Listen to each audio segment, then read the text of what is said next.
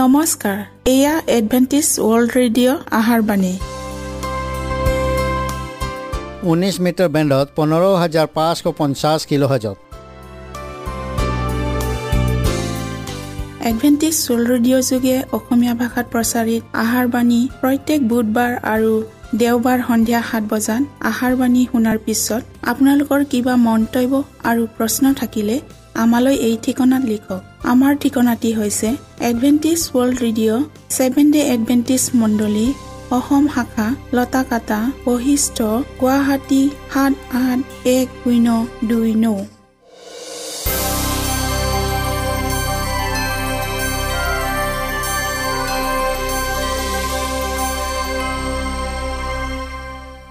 প্ৰিয় শ্ৰোতা বন্ধুসকল এতিয়া শুনো আহক এটি খ্ৰীষ্টীয় ধৰ্মীয় গীত।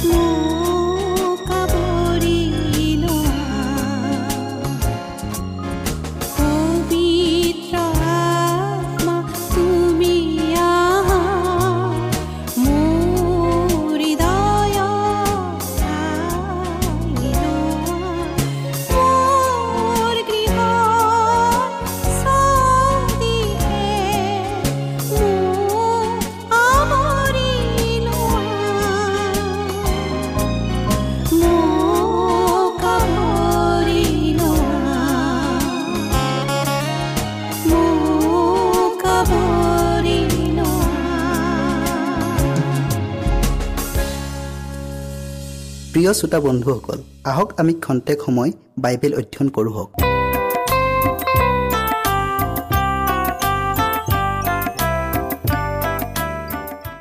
ঈশ্বৰৰ পবিত্ৰ বাক্যত উল্লেখ আছে কিয়নো অনুগ্ৰহেৰে বিশ্বাসৰ দ্বাৰাই তোমালোকে পৰিত্ৰাণ পালা।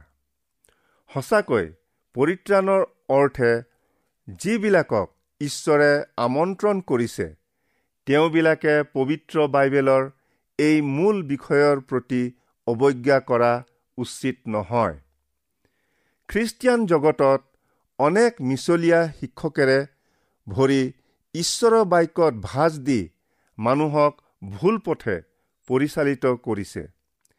সেয়েহে শাস্ত্ৰত কৈছে কাৰণ তেওঁবিলাকে ঈশ্বৰৰ ধাৰ্মিকতা নাজানি নিজৰটো স্থাপন কৰিবলৈ বিচাৰি ঈশ্বৰৰ ধাৰ্মিকতাৰ বহীভূত নহল। খ্ৰীষ্টিয়ানসকলে তেওঁবিলাকৰ নামঘৰত গীত গায়।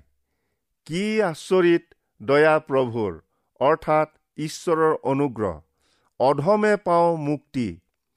হেৰাইছিলো তেওঁ পালে মোক অন্ধই পালো দৃষ্টি। এই অনুগ্ৰহ শব্দটোৰ অনেকে ভুল ব্যাখ্যা কৰে। পবিত্ৰ বাইবেলৰ ভাষাত অনুগ্ৰহ মানে কৃপা কৰা দয়া কৰা মংগল ইচ্ছাক বুজায়। যিবিলাকে ঈশ্বৰক প্ৰেম কৰি তেওঁৰ বাধ্যতাত চলে ঈশ্বৰৰ দয়া সিবিলাকৰ ওপৰত থাকে। কিন্তু বাইবেলৰ নতুন নিয়মত অতি বিশেষ ৰূপে মানুহৰ প্ৰতি ঈশ্বৰৰ অতি মহান দয়া কৰা কৰ্মক বুজাইছে। আনহাতে ক'বলৈ গ'লে পাপীক অনুতাপ কৰিবলৈ ঈশ্বৰৰ আহ্বান আৰু অনন্ত জীৱনলৈ অগ্ৰসৰ হবলৈ ঈশ্বৰৰ ক্ষমাদানৰ প্ৰসাৰণ। খ্ৰীষ্টিয়ান জগতত অনুগ্ৰহৰ অনেক প্ৰকাৰৰ অমূলক মত কোলাহল বাতাৱৰণৰ যোগেদি নিজ নিজ ধৰ্মীয় নীতি অনুসাৰে ব্যাখ্যাৰ প্ৰসাৰিত হৈ আছে। আজি কোনেও বিশ্বাস দুখমুক্ত আৰু পাপ ইত্যাদি বিষয়বোৰৰ সৈতে অনুগ্ৰহৰ কি সম্বন্ধ আছে সেইবোৰ বিচাৰ কৰি চোৱা নাই। আৰু যদি কেতিয়াবা তেওঁবিলাকে অনুগ্ৰহ মানে কি? চিন্তা কৰি চায় তেতিয়া উপৰোক্ত বিষয়বোৰৰ সৈতে তুলনা কৰিলে অনুগ্ৰহৰ প্ৰকৃত অৰ্থ উদ্ধাৰ কৰিব নোৱাৰি বিমূৰত পৰে। আন কিছুমানে আকৌ কয় অনুতাপ নকৰিলেও আৰু বিৰূপ ভাৱ ৰাখি ঈশ্বৰৰ দহ আজ্ঞা বা যীশুখ্ৰীষ্টে উঠাই দিয়া বিধান নামানিলেও ঈশ্বৰে তেওঁৰ অনুগ্ৰহ তেতিয়াও প্ৰসাৰ কৰিয়েই থাকিব। এয়া কিন্তু দেশ দেশ অশাস্ত্ৰীয় শিক্ষা। নিশ্চিতভাৱে ক'ব পাৰি অনুগ্ৰহে মানুহ জাতিলৈ ঈশ্বৰৰ প্ৰেম প্ৰকাশ কৰে। অনেক শিক্ষকে অনুগ্ৰহৰ শব্দৰ অৰ্থান্তৰ কৰাৰ উপৰিও কোৱাৰ প্ৰয়াস কৰে। পবিত্ৰ বাইবেলখনৰ পুৰণি নিয়মত অনুগ্ৰহ শব্দটো এবাৰো উল্লেখ নাই। প্ৰিয় শ্ৰোতা বন্ধুসকল সময়ৰ অভাৱত দুটা শাস্ত্ৰ পদেৰে পুৰণি নিয়মৰ পৰা অনুগ্ৰহ শব্দটো উল্লেখ কৰিছো। কিন্তু নোহে জিহুৱাৰ দৃষ্টিত অনুগ্ৰহ পালে। আন এঠাইত কৈছে আৰু আনবিলাক কুমাৰীতকৈ তাই ৰজাৰ দৃষ্টিত মৰম আৰু অনুগ্ৰহ পালে। মনত ৰাখিব কিন্তু নতুন নিয়মত অনুগ্ৰহ শব্দটো ঈশ্বৰৰ দয়াৰ সৈতে বিশেষ সামঞ্জস্য ৰাখি কৰা কৰ্মৰ ভিত্তিত বাৰ বাৰ উল্লেখ হৈছে। কিন্তু অপৰাধ যেনে অনুগ্ৰহৰ বৰ তেনে নহয়। কিয়নো এজনৰ অপৰাধৰ কাৰণে যদি অনেকৰ মৃত্যু হ'ল তেন্তে কিমান অধিক গুণে?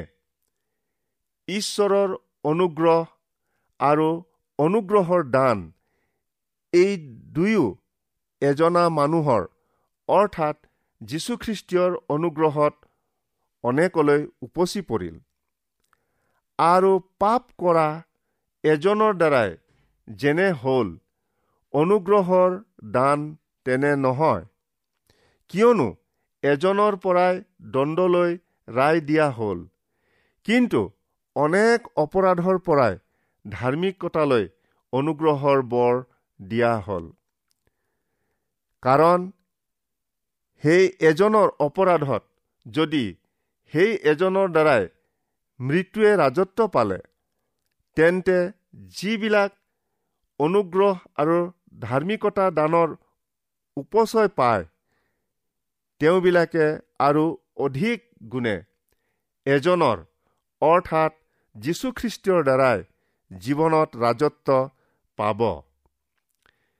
ইয়াত আমাক কোৱা হৈছে অনুগ্ৰহ যীশুৰ দ্বাৰাইহে হয়। সকলো ঈশ্বৰ বিশ্বাসী মাত্ৰেই জানে। যীশুখ্ৰীষ্টীয়ৰ দ্বাৰাই আমাৰ পাপ ক্ষমা হোৱাৰ উপৰিও ঈশ্বৰৰ সৈতে পুনৰ মিলন কৰা। আৰু কোৱা হৈছে ঈশ্বৰৰ অনুগ্ৰহৰ শেষ পৰিণাম হৈছে অনন্ত জীৱন। বাস্তৱিকতে অযোগ্য আৰু অনুপাৰ্জিত হোৱা স্বত্তেও এয়া মানুহৰ প্ৰতি ঈশ্বৰৰ এটা অতি আচৰিত আৰু মহৎ বিনামূলীয়া বৰ। অনেকে কয় আৰু কবও আমি অনুগ্ৰহৰ দ্বাৰাই অপৰাধমুক্ত হলো। নিসন্দেহে সঁচা কথা। সেই বুলিয়েই আমি চুৰি ডকাইতি ব্যবিচাৰ আদিৰ পুনৰাবৃত্তি কৰিব লাগেনে? কাৰণ ইতিমধ্যে শাস্ত্ৰে কৈছে দহ আজ্ঞা উলংঘনেই পাপ। অতি কম সংখ্যক লোকেহে শাস্ত্ৰৰ উদ্ধৃতি কথাখিনি বুজি পায়। আপোনাৰ হাতত থকা পবিত্ৰ শাস্ত্ৰখন খুলি পঢ়ক। ইয়াত একেই ভাৱাৰ্থ প্ৰকাশ কৰা চাৰিটা ভিন শব্দ পাব। বিশ্বাস অপৰাধমুক্ত কৰ্ম আৰু অনুগ্ৰহ।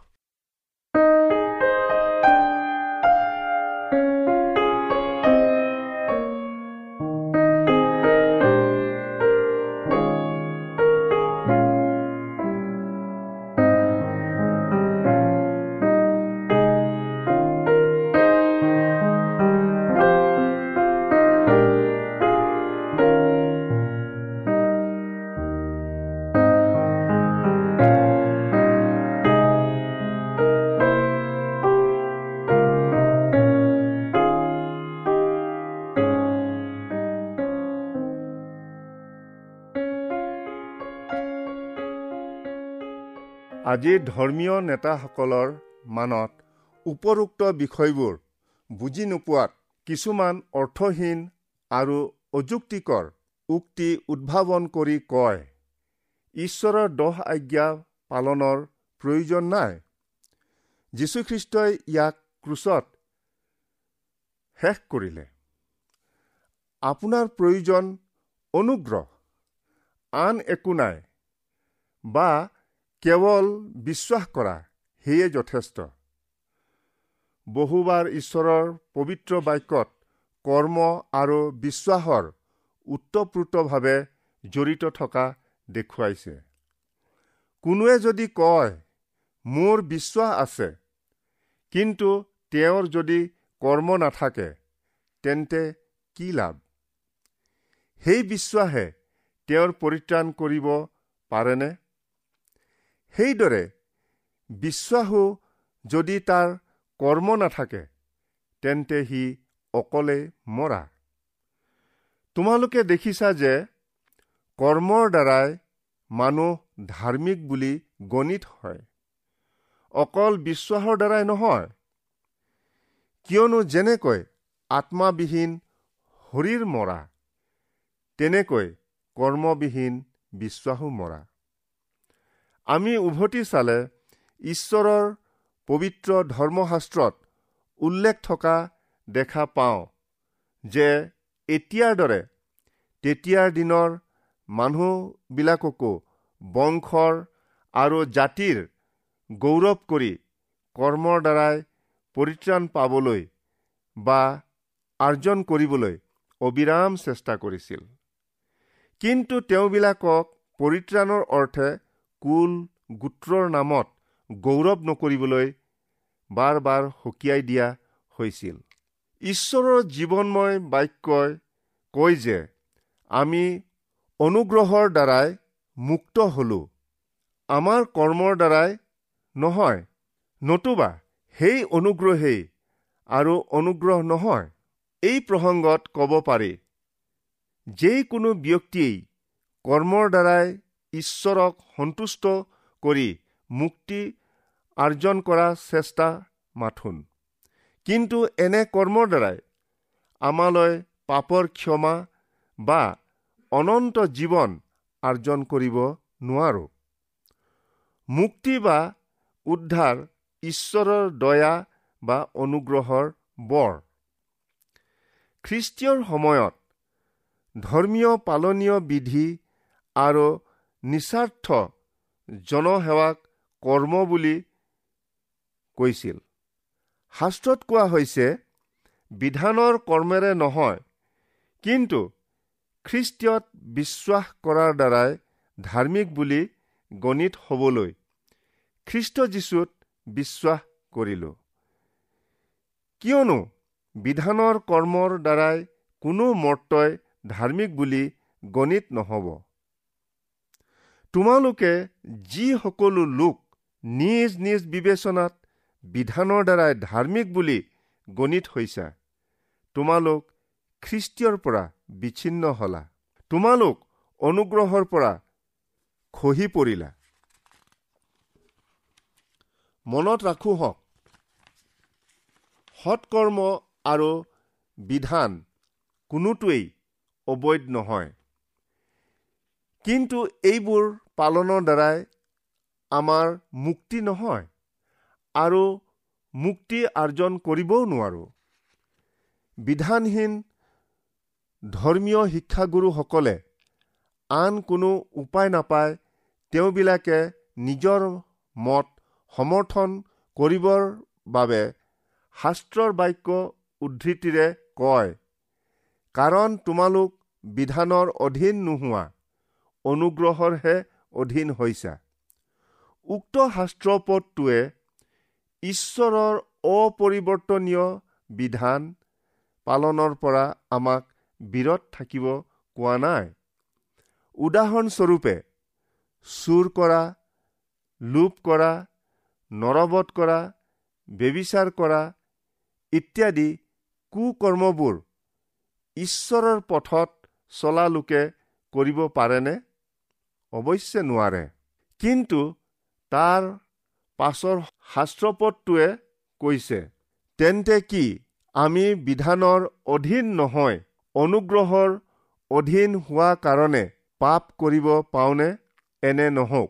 ঈশ্বৰৰ পবিত্ৰ বাক্যই কৈছে ঈশ্বৰৰ দহ আজ্ঞা উলংঘনেই পাপ। শাস্ত্ৰৰ বাক্য উলংঘনকাৰী লোকৰ পৰা সতৰ্ক হৈ থাকো হওক।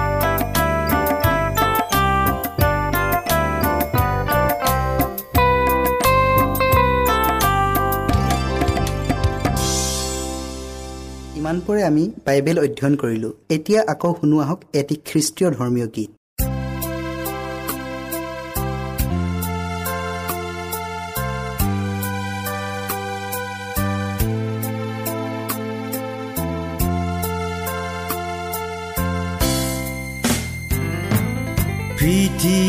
সৃষ্টি কৰাৰ লগতে সৃজিলা তুমি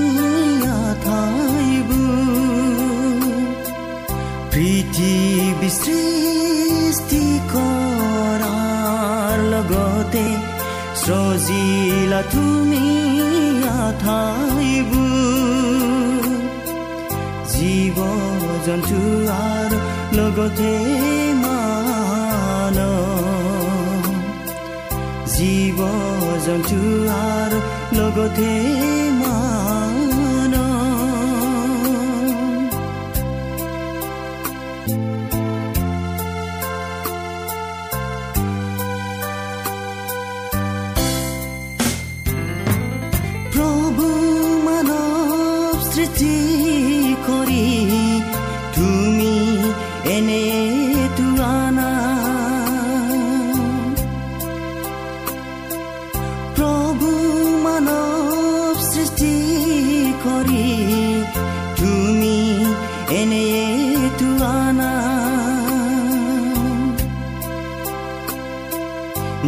দিশা কৰিব হাত ভৰি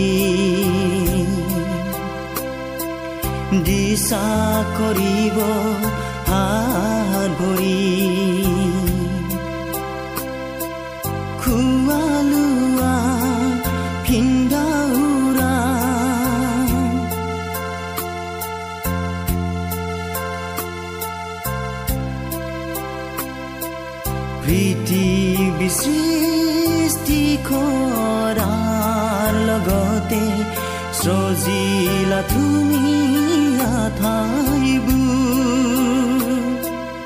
পৃথিৱী সৃষ্টি কৰাৰ লগতে সজিলা তুমি ঠাইবোৰ জীৱ জন্তু আৰু লগতে মান জীৱ জন্তু আৰু লগতে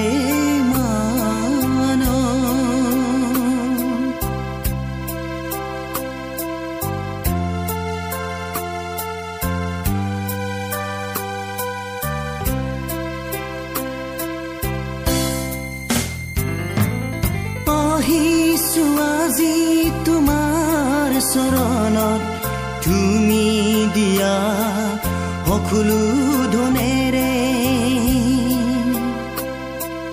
আহিছো আজি তোমাৰ চৰণত তুমি দিয়া সকলো ধনেৰে।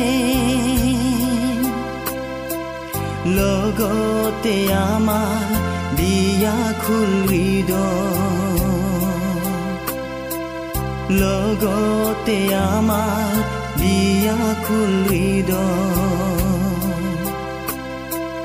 লোৱা তুমি আজি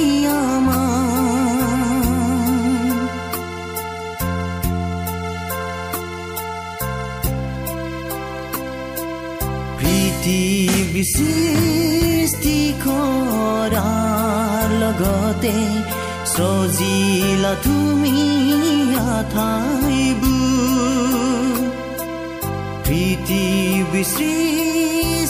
কৰাৰ লগতে সজিলা তুমি ঠাইবোৰ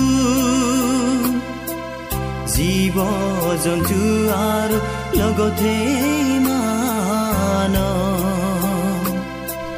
জীৱ জন্তু আৰু লগতে মান পৃথিৱী সৃষ্টি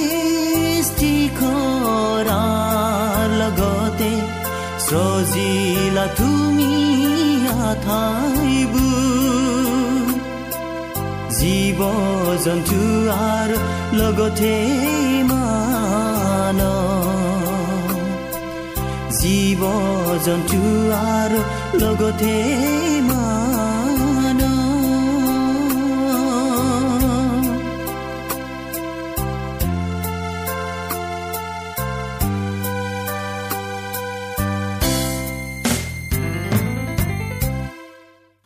মনত ৰাখিব আমাৰ ঠিকনাটি পুনৰ কৈ দিছোঁ। Adventist world radio' Assam region of seven day Adventist voice of hope Lotakata Basistha Guwahati seven eight one zero' two nine প্ৰিয় শ্ৰোতা বন্ধুসকল এডভেণ্টিজ ৱৰ্ল্ড ৰেডিঅ' যোগে আহাৰবাণী প্ৰচাৰত আপোনালোকক পুনৰ লগ পোৱাৰ আহাৰে আজিলৈ সামৰিলোঁ। ধন্যবাদ।